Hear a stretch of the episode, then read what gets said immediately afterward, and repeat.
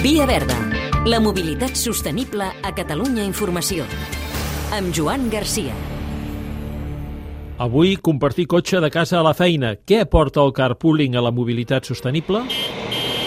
Pero después de la bicicleta debería ser el coche compartido, el carpooling, el medio más sostenible para desplazarse en este caso de trabajo. José Domingo Roca, director de vendes de Jojob Carpooling.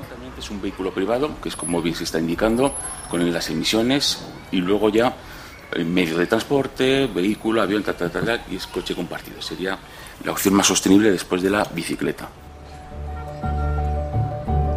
Com funciona? Pues en primer lugar, el empleado de la empresa, de la empresa de- del polígono, se registra, entonces ya se crea pues, un mapa con todos los empleados de, de la empresa. A partir de este momento es importante aportar tanto una dirección de salida como un punto de llegada, o sea, casa-trabajo.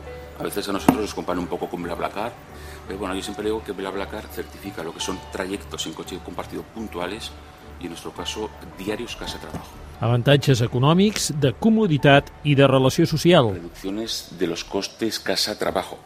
Obviamente, si yo no cojo el coche todos los días, me voy a gastar menos en, en combustible. Mejor confort de viaje. Hay gente que le estresa conducir. Nuevas relaciones sociales. Está también claro que hay muchas grandes empresas donde solo te conoces vía correo electrónico. Bueno, es una forma también de hacer equipo, de poder viajar con gente de tu empresa, menor presión sobre las plazas de aparcamiento. En Italia hay empresas que están rotulando plazas de aparcamiento con ACP de carpooling, al igual que hay plazas de, movilidad reducida. Entonces es como un incentivo. Hay empleados que los que más los carpools más activos tienen derecho a aparcar en sede corporativa, junto a los jefes directivos, con lo cual es un incentivo bastante importante poder aparcar a la de mi jefe. Mentre que el car sharing es basa en utilitzar temporalment un vehicle entre diversos abonats a través del lloguer, el carpooling s'orienta només a compartir vehicle. També fa mobilitat sostenible?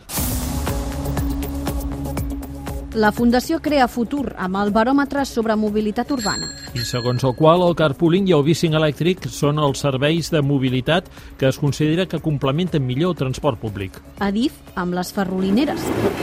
L'administrador d'infraestructures ferroviàries busca socis per desplegar punts de càrrega de vehicles elèctrics en aparcaments d'estacions. Es tractaria de connectar els vehicles elèctrics a la catenària del tren a través d'un convertidor i un sistema d'emmagatzematge, i el Port de Barcelona. Perquè dona suport a la normativa que limita el contingut de sofre del carburant dels vaixells que ha impulsat l'Organització Marítima Internacional a un màxim del 0,5%. La normativa ha entrat en vigor aquest any i es calcula que significarà una reducció del 77% d'emissions d'òxid de sofre a l'atmosfera que generen els vaixells. Hem de tendir a... Pensar si ens va bé compartir vehicle si ens desplacem en cotxe privat. Quan en un cotxe hi van 3 o més ocupants, el ràtio d'emissions de cada passatger per quilòmetre s'acosta molt al de l'autobús. Via Verda, disponible al podcast i a catradio.cat.